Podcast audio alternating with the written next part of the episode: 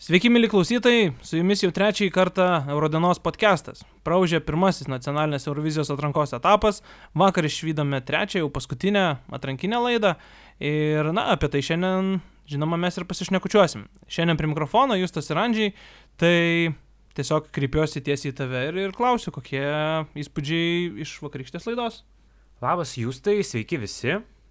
Mm, trečia laida prasidėjo gan ramiai, galbūt šiek tiek monotoniškai ir po pirmų keturių pasirodymų jau norėjau perjungti kanalą ir pradėti žiūrėti Norvegijos atranką, tačiau su kiekvienu sekančiu pasirodymu e, atrankai gaudavo vis daugiau dinamikos, o paskutinis pasirodymas Verup tapo višnaitė ant torto. Sakai, norėjai perjungti kanalą į Norvegijos atranką, bet žinok, pas mus, kai pasirodė pirmie keturi atlikėjai, tai man atrodo, Norvegijoje viskas pasibaigė buvo. Ten jie pakankamai greitai susitvarko su visko. Aš manau, kad tu visada gali perjungti, e, persukti atgal ir pasižiūrėti viską nuo pradžių. Na, supratau. Na, man irgi. E, pradžia vakarykštė buvo labai silpna ir čia jau turbūt jau tapo tokia kaip ir, nežinau, tradicija, netradicija LRT, kad e, pradžioje pasirodo švelniai tariant, e, prastesnės, ramesnės kažkokios tai dainos, kur ir nežinomi atlikėjai, o vakaro pabaigoje yra sukišta visa grėtinėlė ir, ir visi geriausiai jau trečią laidą išėlės pasirodo pabaigoje. Tai galbūt tada prie geriausių iš karto einam, tai klausiu tavęs, kas buvo tavo vakarykščiai favoritai. Labiausiai man patiko Verup, jie pateikė originalų pozityvų kūrinį, motyvas akimirksniu pradeda persekioti mintise, jau šiandien niuniavau mašinoj. Ir Vaidotas yra labai charizmatiškas, sugebėjo išlaikyti dėmesį nuo pradžios iki galo. Ir netgi nepaisant aktyvių šokių, jo balsas skambėjo panašiai kaip ir studijinėme įraše. Visiškai tau pritariu, na, mano favoritė gal kita buvo, bet prateskim apie The Roop, tai man irgi tai buvo turbūt viena iš keturių geriausių dainų apskritai per visas tris laidas, bet jeigu kalbant apie vakar, tai mano, man Roop e, liko vakar antroje vietoje. Ir labai daug įvairių minčių kelintis pasirodymas, man žiauriai patinka pati dainos idėja. Kas žinot, kas nežinot, šita daina yra apie tai, kaip e, suaugę žmonės, tai yra, na, jau nebe jaunimas, o sakykime, kiek vyresni, virš 30-40 metų yra nurašomi ir tarsi jau viską gyvenime pasiekė ir turi užleisti kelią jaunesniems. Tai visi tie aktyvūs judesiai, žvilgsniai tokie kaip ir keistoki e, viso pasirodymo metu, jie yra būtent apie tai, kad ir suaugęs žmogus gali daryti, ką nori.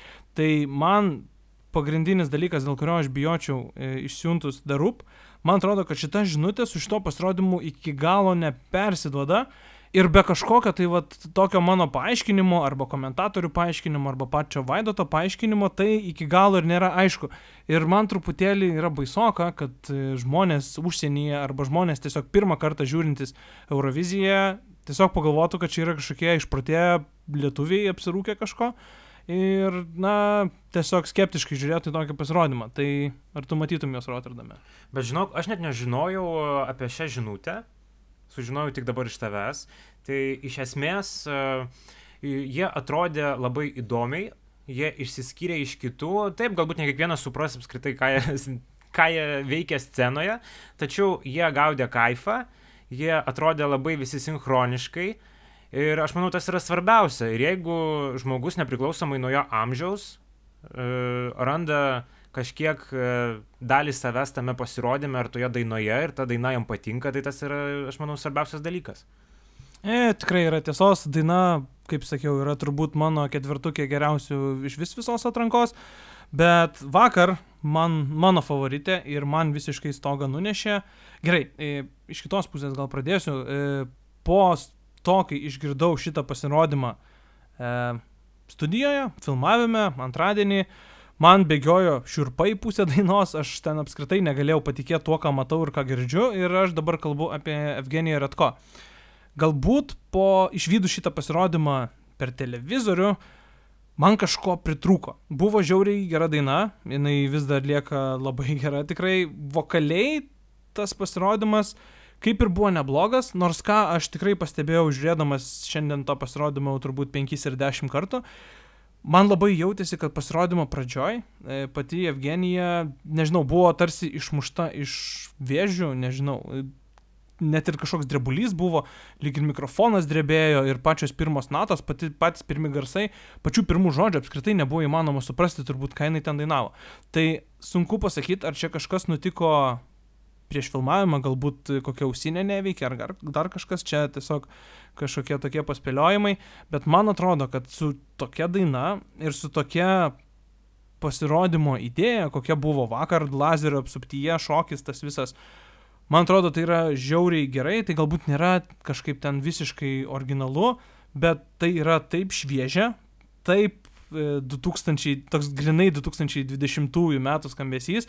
Ir aš manau, kad su tokia daina mes puikiausiai galėtume pasirodyti Eurovizijoje, o tas visas kitas detalės, ką aš minėjau, tai yra, na, ir, ir pirmos natos, e, galbūt net ir aprangą, šukuoseną ar makiažą aš norėčiau, kad pakeistų, nes man gal ne iki galo patiko, kaip jie atrodė, bet su šituo pasirodymu aš manau, kad mes galim labai daug dirbti ir mane asmeniškai tai šokiravo, kad e, žiūrovų lentelėje Evgenija užėmė tik tai septintą vietą.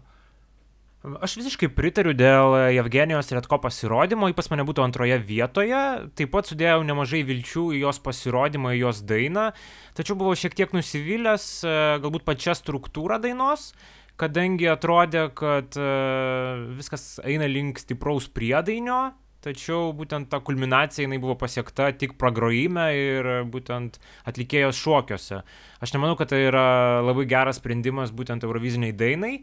Pati daina yra gera, instrumentuotė, aranžuotė yra labai gera, jinai yra šio laikinė, moderni, tikrai šią dainą Evgenija gali laisvai įtraukti į savo repertuarą ir aš manau tikrai ją jau netrukus išgirstime radio stočių e, eteryje.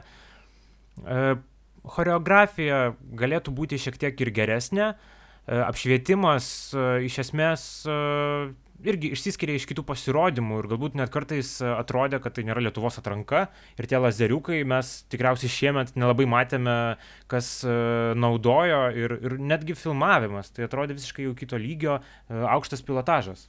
Jo, e, kai kuriuom vietom ten tokių kameros kadrų buvo, ten pasisukimų iš aukštai. Labai dinamiškų. Kažkur, tokių. kas, jo, panašu, kad prie pasirodymo jau buvo uh, dirbta e, iš anksto ir kai labai dažnai pirmose etapuose pasirodymai būna tokie, nu, tokie daugiau mažiau vienodi ir nuo antro etapo prasideda jau kažkoks tai didesnis veiksmas, daugiau išdirbimo būna, tai čia jau buvo pirmame etape tas. Tai aš labai labai laukiu, kaip tai atrodys toliau. Bet matai, iš karto galima pastebėti skirtumą, kur atlikėjas turi savo komandą ir turi profesionalą, kuris rūpinasi būtent ir filmavimu. Ir e, filmavimu, apšvietimu, kaip viskas atrodys. Ir kaip tai skiriasi nuo atlikėjo, kuris tiesiog atėjo, padainavo baladę, pastovėjo ir išėjo. Man irgi, aš tą patį pastebėjau, kad e, tiesiog nemažai tokių vienodų, panašių, gan tvarkingų pasirodymų, bet kažkokio tai išskirtinumo pritruko ir manau, kad Evgenija tą išskirtinumą mums paserviravo labai labai neblogų lygių ir tiesiog pats labai tikiu šitą ir atlikėją ir šitą dainą, tai manau, kad tolesniuose etapuose turėtų pasisekti gerokai geriau. Taip, tai Roop ir Evgenija Redko sutarėm dėl šitų dviejų, kad buvo geriausi pasirodymai. Jeigu reikėtų dar vieną kažką išskirti. Tikriausiai tai būtų atlikėja Kaira. E, jos daina Alligator mm, nepadarytų gėdos Europoje. Tai yra šio laikinė daina.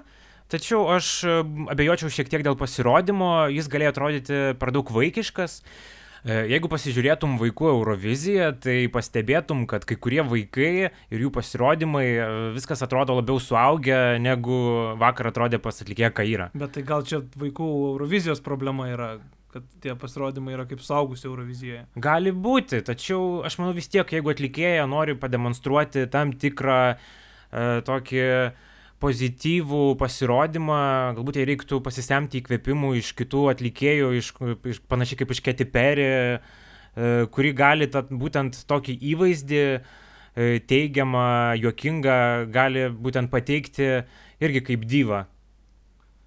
Aš gal ne visai pritarčiau tau dėl to tokio vaikiškumo. Man atrodo, kad šitas pasirodymas buvo irgi, jis pateko į mano top 3 vakaro. Uh, Man jis gal labiau priminė ne vaikų Euroviziją, bet pernykštį Maltos bandymą su Kamakamilian. Ir buvo daug spalvų, buvo pati Kristina, kaip, e, kaip jau buvo minėta prieš jai pasirodant, yra ne tik dainininkė, bet ir aktorė, tai man atrodo ir jos žvilgsniai, ir visa charizma tą tikrai, na, parodė. iš kur kojos dyksta, tai man labai labai patiko. E, šiaip e, nuo pačio pirmo klausimo man jau e, ta daina Alligator iškart patiko, tu, kiek pamenu, skeptiškesnis truputėlį buvai. Bet jau pirmą kartą išgirdus šitą dainą, aš, na, ne, nebuvau tokios nuomonės, kad šita daina galėtų gal ir atstovauti Lietuvai, bet aš po vakarykščio, sakykime, pasirodymo galbūt net drąsiai sakyčiau, kad bent jau finale tai tikrai turėtų pasirodyti. Tikrai galima pagirti atlikėją už jos charizmą, kadangi jos šypsena, jos žvilgsniai, jie tikrai papirko daugelį žiūrovų ir aš manau, kad e, daugelis už ją būtent dėl to ir balsavo. Kalbant apie charizmą, žvilgsnius ir visus kitokius dalykus, tai į mūsų trietukus nepapuolė e, Aistė Pilvelytė, bet turbūt, na, būtų didžiausia nuodėmė apie tai nepakalbėti ir apie vakarykštį jos pasirodymą ir, na, eilinį kartą užimtą antrą vietą, čia jau kiti dalykai, Bet kaip tau šitas aistės bandymas? E, aš turiu savo nuomonę, bet gal tu pirmas pasisakyk ir, ir tada žiūrėsim, pritariu ar prieštarauju tau. Aš manau, kad Aistė pagaliau pirmą kartą atėjo nenugalėti, o tiesiog e, pagauti kaifą, būtent dalyvavimu, parodyti visiems, kad jinai gyva, kad jinai toliau muzikuoja ir dainuoja, kaip jinai ir sakė, ji ateina tik dėl žmonių, nes žmonės prašo, kad jinai sugrįžtų. Ir jeigu anksčiau ji dalyvavo e, bandydama uh, E, paranoiškai nugalėti, mes matėme e, visokius įdomius e, bandymus, pigius teatrus ir panašiai. Tai jinai dabar tiesiog atėjo su pozityvia daina, jinai pateikė save kaip dyva, nors ir šiek tiek pavėluotai, tas pasirodymas priminė galbūt dyvas iš Eurovizijų iš, iš 10 metų, 8-5 metų, tikrai nedabartinės tas dyvas. Tačiau žiūrėdamas į ją, aš tikriausiai džiaugiausi, kad pagaliau jinai mėgaujasi to, ką jinai daro, jinai nesistengia kažkam kažko įrodyti, jinai nebijojo, kad komisija ją pašieps arba pradės ją kritikuoti ir, ir tiek. Na, gal tiesiog Aistė dar nespėjo pagauti šito viso atrankos azarto ir gal tik kol kas taip atrodo, kad jinai čia atėjo pakaifuoti, kaip tu sakei. Aš nuoširdžiai pasakysiu, buvau filmavime E, antradienį ir labai labai laukiau, aišku, Aistės pasirodymo, nors šiaip iš principo aš manyčiau, kad jos laikas jau yra praėjęs. Bet kai jinai žengia į sceną, jau mačiau tos atitempiamus e, projektorius, šviestuvus papildomus, tai man pirma mintis buvo, kad čia bus kažkas tai tokio kaip Sanos Nilsen Andu 2014 metais, bet kai aš išgirdau tai, ką aš išgirdau, tada aš tiesiog pirmą kartą turbūt per visus metus, kiek aš esu buvęs filmavimuose, aš tiesiog pradėjau isteriškai juoktis. Man buvo taip jokinga ir taip keista iš aistės išgirsti tokią dainą. Na, prisiminkim jos paskutinius bandymus. Uh, you Bet, uh, I'm Like a Wolf, uh, ta pati melankolija ir dar visokios kitokios. Jos buvo tokios dramatiškos. Uh, aistė ten vis skausme ir tiesiog kraujo klane praktiškai gulėdavo kiekvieno pasirodymo metu ir tada ateina su tokia daina, visiškas pop švediškas bengeris. Man tai žiauriai priminė visų pirma 2010 m. Daniją In a Moment Like This, tas besikartojantis, tos kelios besikartojančios eilutės, o pati Aistė su, tavo, su savo tokiu įvaizdžiu man priminė turbūt labiausiai Šarlotę Perelį ir Karolą. Bet jeigu aš isteriškai jokiausi studijoje, tiesiog ta mano pirminė tokia reakcija buvo, tai vakar, kai žiūrėjau tą pasirodymą per televiziją, man po truputėlį darėsi baisu, kad mes kartais neišsiųstume jo šiais metais į Euroviziją, nes, na, sutikim, tai tikrai nėra pati geriausia daina, su kokia ji yra dalyvavusi atrankose, bet jos akys man tiesiog jeigu anksčiau kai kurie pasirodymai, kaip sakiau, atrodydavo šiek tiek isteriški, tai šiemet jinai buvo visiškai atsipalaidavus, jinai buvo ant tiek profesionali, jinai taip gerai sudainavo viską, kad man po truputį daros neramu, kad galbūt mes galim ją su šitą dainą išsiųsti. Na, bet komisijos balai turbūt mane šiek tiek nuramino ir turint omenyje, kad komisijos balas yra lemiamas, tai greičiausiai, kad to, tai gal ir neįvyks ir šiemet. Tikrai taip. Ir aš manau, tie žmonės, kurie e, sako, kad turime pagaliau išsiųsti aistį Euroviziją, aš manau, kad e, jie nelinki jai gero, kadangi pačioje Eurovizijoje jos, jos lauktų Klaudijo Fanielo e, likimas, kuri e, atstovavo Maltai e, iš 11 karto ir galiausiai nepateko į finalą, kadangi jos daina buvo labai neįdomi buvo pilka, palyginus su jos praeitomis paraiškomis. Tas pats būtų ir su Aiste. Jis išvažiuotų ne su savo geriausia daina. Ir kaip e, mes žiūrėjome mūsų puslapyje, buvo toks tai straipsnis, ieškojom informacijos apie pačią Aistę Pilvelytę. Ir buvo vienas iš straipsnių 2017 metais, man atrodo, tu pats dar ir kalbinai užsienio žurnalistus. Ir e, kažkuris žmogus pasakė, kad e, jeigu Aistė į Euroviziją neišvažiuos su I'm Like a Wolf, tai greičiausiai neišvažiuos niekada. Tai man atrodo, kad šita daina nėra ta, su kuria Aistė turėtų važiuoti Euroviziją, bet aš nuoširdžiai džiaugiuosi, kad jinai labai smarkiai paįvairina šitą atranką būtent su tokiu pasirodymu ir su tokia daina. Bet labai liūdna, kad Aistė eilinį kartą pasirenka užsienio kompozitorių kūrinį ir e, aš manau, kad e, Unbreakable pretendavo patekti į šių metų Melody festivalę tačiau prodiuseriai neatrinko jos ir galiausiai ta daina pradėjo keliauti po visą Europą, ieškoti savo atlikėjo ir pasiekė Aistės kompiuterį ir tuomet jinai galėjo ją išgirsti, demo versiją ir pasirinko dalyvauti su ją atrankoje. Ir eilinį kartą. Tas pats buvo su, su I'm Like a Wolf, kuri, kurią parašė Aminata ir ta daina buvo uh, gan panašiai prieš tai buvusias Aminatos, į Aminatos Love Injected, į Justo dainą, tai nebuvo tiek originalų. Ir tas pats ir su ispano kompozitoriaus e, kūriniais, su kuriais Aistė bandė savo sėkmę. Aš manau, kad galbūt jai reikėjo pradėti bendradarbiauti su Lietuvos kompozitoriais, tuomet jinai galbūt būtų pateikusi aktualų šiam laikotarpiu kūrinį, o galbūt netiek pasenusi kūrinį. Gal reikėjo paskambinti tiesiog Vytautui Bikui, kuris paskutaraisiais metais e, rašo pakankamai sėkmingas dainas e, Lietuvos atrankoms ir, ir, ir pasirodo net ir Eurovizijai. Gerai, išduosiu paslapti, kad apie Aistę mes dar šiandien pakalbėsim. Ir toliau e, galbūt reikėtų aptarti dar kitus du pasirodymus, kurie pateko į pusfinalį. Ir tai yra Rokas Pavilius ir The Backs. Ar tu turi kažką ką galėtum apie juos plačiau pasakyti, ar čia tiesiog bus tokie pasirodymai, kurie, na, kaip sako, kažkam reikia likti paskutiniam, tai ar čia bus tas variantas, ar galbūt matai kažką iš jų ir, ir atrankos finale? Aš manau, kad Roko daina yra gera tiesiog eterio užpildymui, kadangi jinai turi mintį apie Euroviziją, tai jinai galbūt e, įsimins klausytojams būtent dėl to, o e, Aš gailiuosi, kad jie pateko į kitą etapą. Aš manau, kad jos e, užėmė Augustės vietą ir jos taip ir nesugebėjo atrodyti kaip pilnavertis e, kolektyvas ir labiau e, jos atrodė kaip pritarančiosios vokalistės, kurios laukia, kai į sceną žengs būtent solistas. Ir pats kūrinys taip pat aš nespėjau užsikabinti už melodijos, jis praėjo, ėjo, praėjo ir, ir tiek jokių įspūdžių. Dėl roko, tai aš galiu pasakyti, kai pirmą kartą išgirdau šitą dainą studijinę jos versiją, tai man jinai padarė labai didelį įspūdį, tarsi priminė ir lyg ir Tomą Sinicki, lyg ir užsienio įvairius atlikėjus, tai buvo tiesiog pakankamai nebloga roko baladė.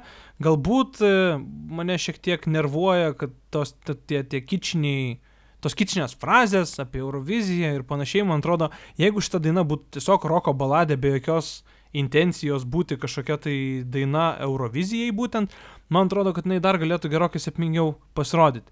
E, tai man gerokai labiau patiko turbūt studijinis įrašas, vaizdas scenui nebuvo toks man įdomus ir...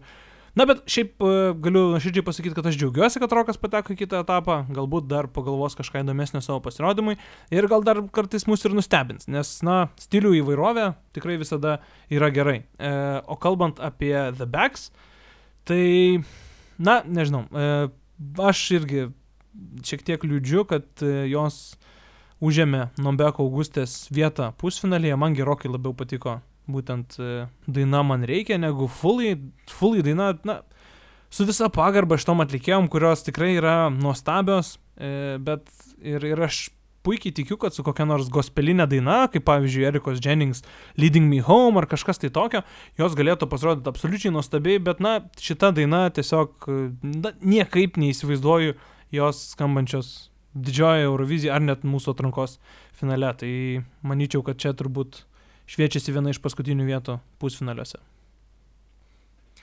Tai kalbant apie pusfinalius, e, vakar buvo išrinkti paskutiniai šeši dalyviai ir mes dabar jau turim pilną 18 dalyvių sąrašą, kurie pasirodys dviejose pusfinaliuose, po devynis atlikėjus, na ir po keturis iš kiekvienos laidos pateks į patį jau atrankos finalą. Ar tu galėtum išskirti savo, sakykime, penkis favoritus, ką tu norėtum matyti finale? Tai kaip ir sakiau, man labiausiai patiko grupė The Roop, kadangi aš manau, kad jie uh, labiausiai iš visų dalyvių išspaudė maksimumą iš savo dainos, iš savo pasirodymo, jiems tai reiktų šiek tiek pakoreguoti filmavimą, apšvietimą ir tai jau e, būtų paruoštas e, pasirodymas Eurovizijai.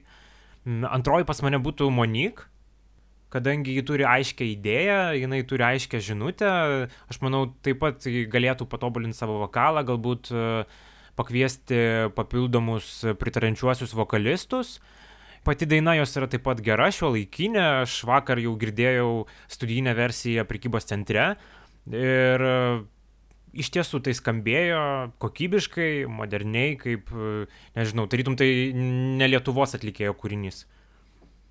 Trečioji pas mane būtų Ruta Loop, kadangi savo pasirodyme jinai atrodė organiškai, man ten viskas tiko, galbūt padaryčiau jį šiek tiek tamsesnį ir e, pati rūta galėtų būti, e, ji galėtų labiau kontaktuoti su žiūrovu, nebūti tokia šalta, manau, tas jai būtų tik į naudą.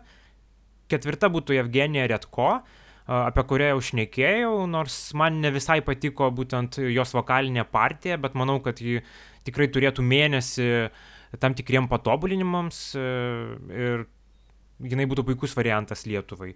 O penkta būtų Monika Marija, aš manau, tai būtų tvirta penkta vieta, kadangi ji paruošė uh, kokybišką pasirodymą, jinai viską švariai atlieka, jinai atrodė puikiai, nors sąžiningai aš nelinkėčiau, kad jinai išbandytų savo pirmą bandymą Eurovizijoje su šita daina.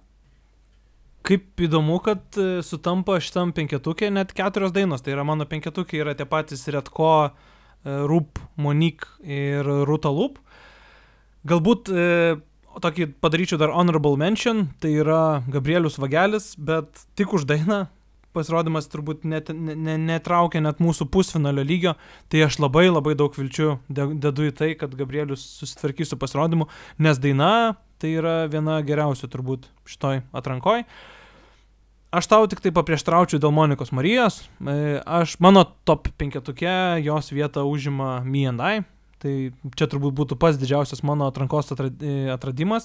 Aš jau labai gyriau jos pirmoje laidoje ir, ir na, tikrai labai džiaugiuosi, kad šita grupė sudalyvavo Eurovizijos atrankoje ir aš tikiu, kad daug žmonių apie juos dar sužinos, tai aš labai norėčiau juos pamatyti ir pačiam atrankos finale, kad tiesiog dar didesnis žmonių ratas juos pastebėtų.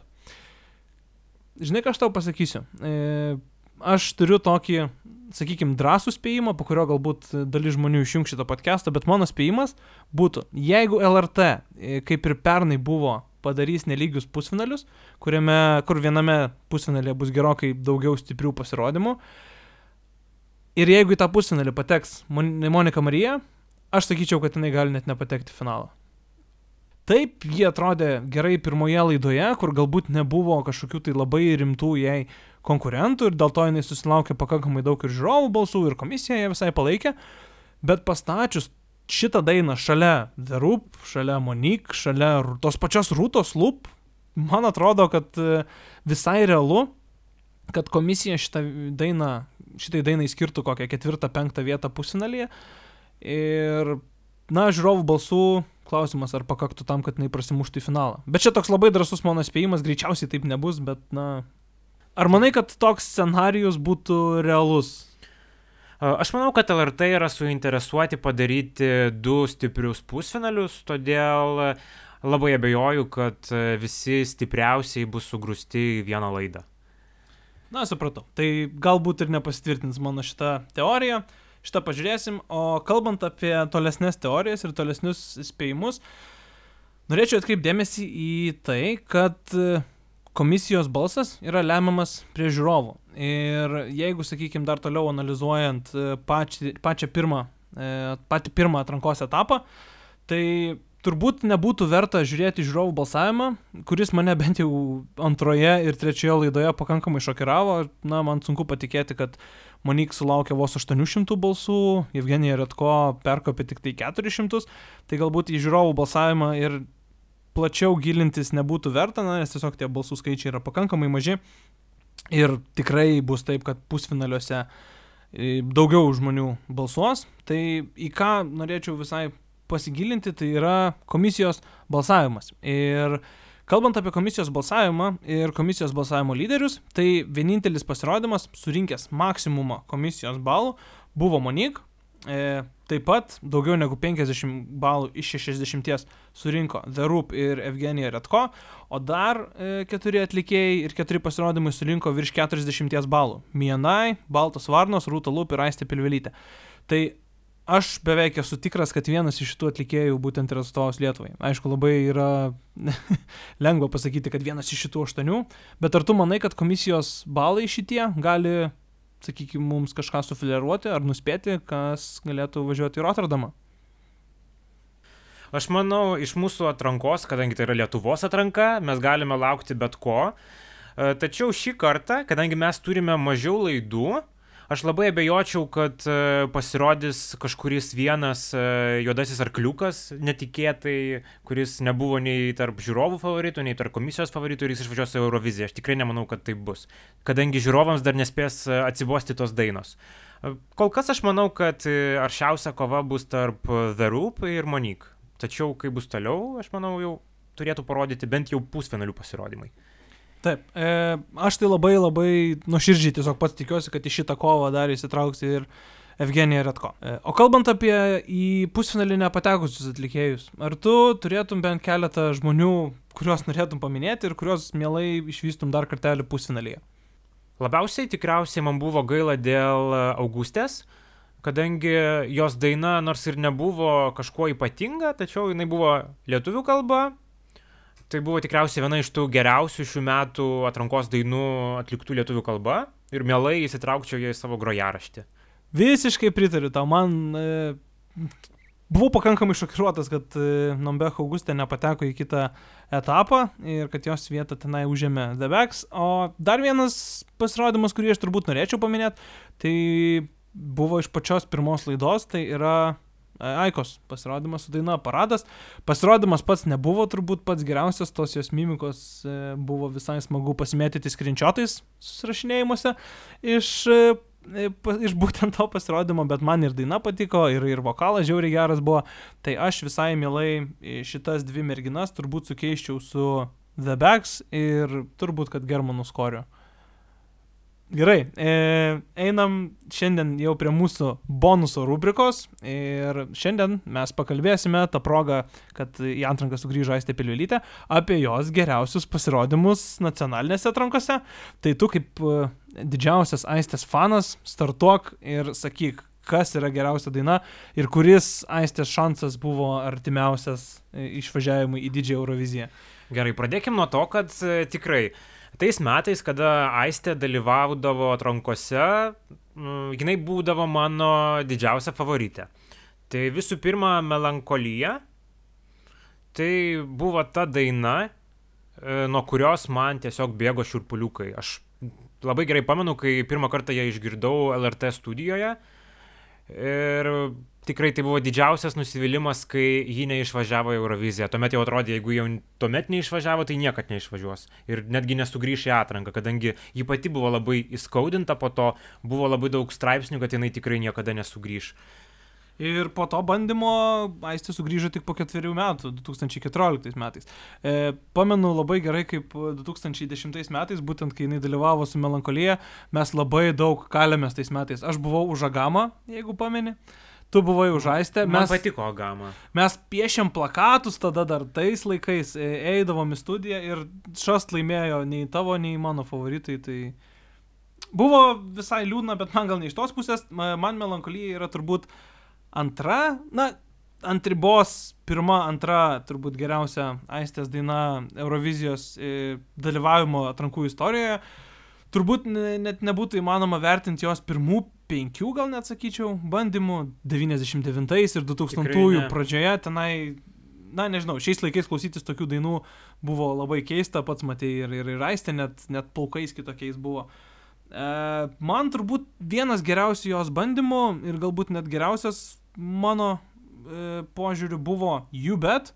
Aš pamenu, kai irgi studijoje išgirdau pirmą kartą tą dainą, tai man žiauriai patiko, man irgi bėgojo, bėgiojo šiurpas tiesiog nuo tos ilgos You Bet natos, bet ten tas, ta, ta atranka buvo iš vis tas didelis skandalas su Belhauptaitė, jeigu pameni, ten tiek daug dramų buvo ir, na, tas paskutinis aistės pasirodymas finale su kroksais, džinsais ir konfliktinę maikutę, tai, na, užmušė, aišku, visus jo šansus, bet, na, turbūt gal jau...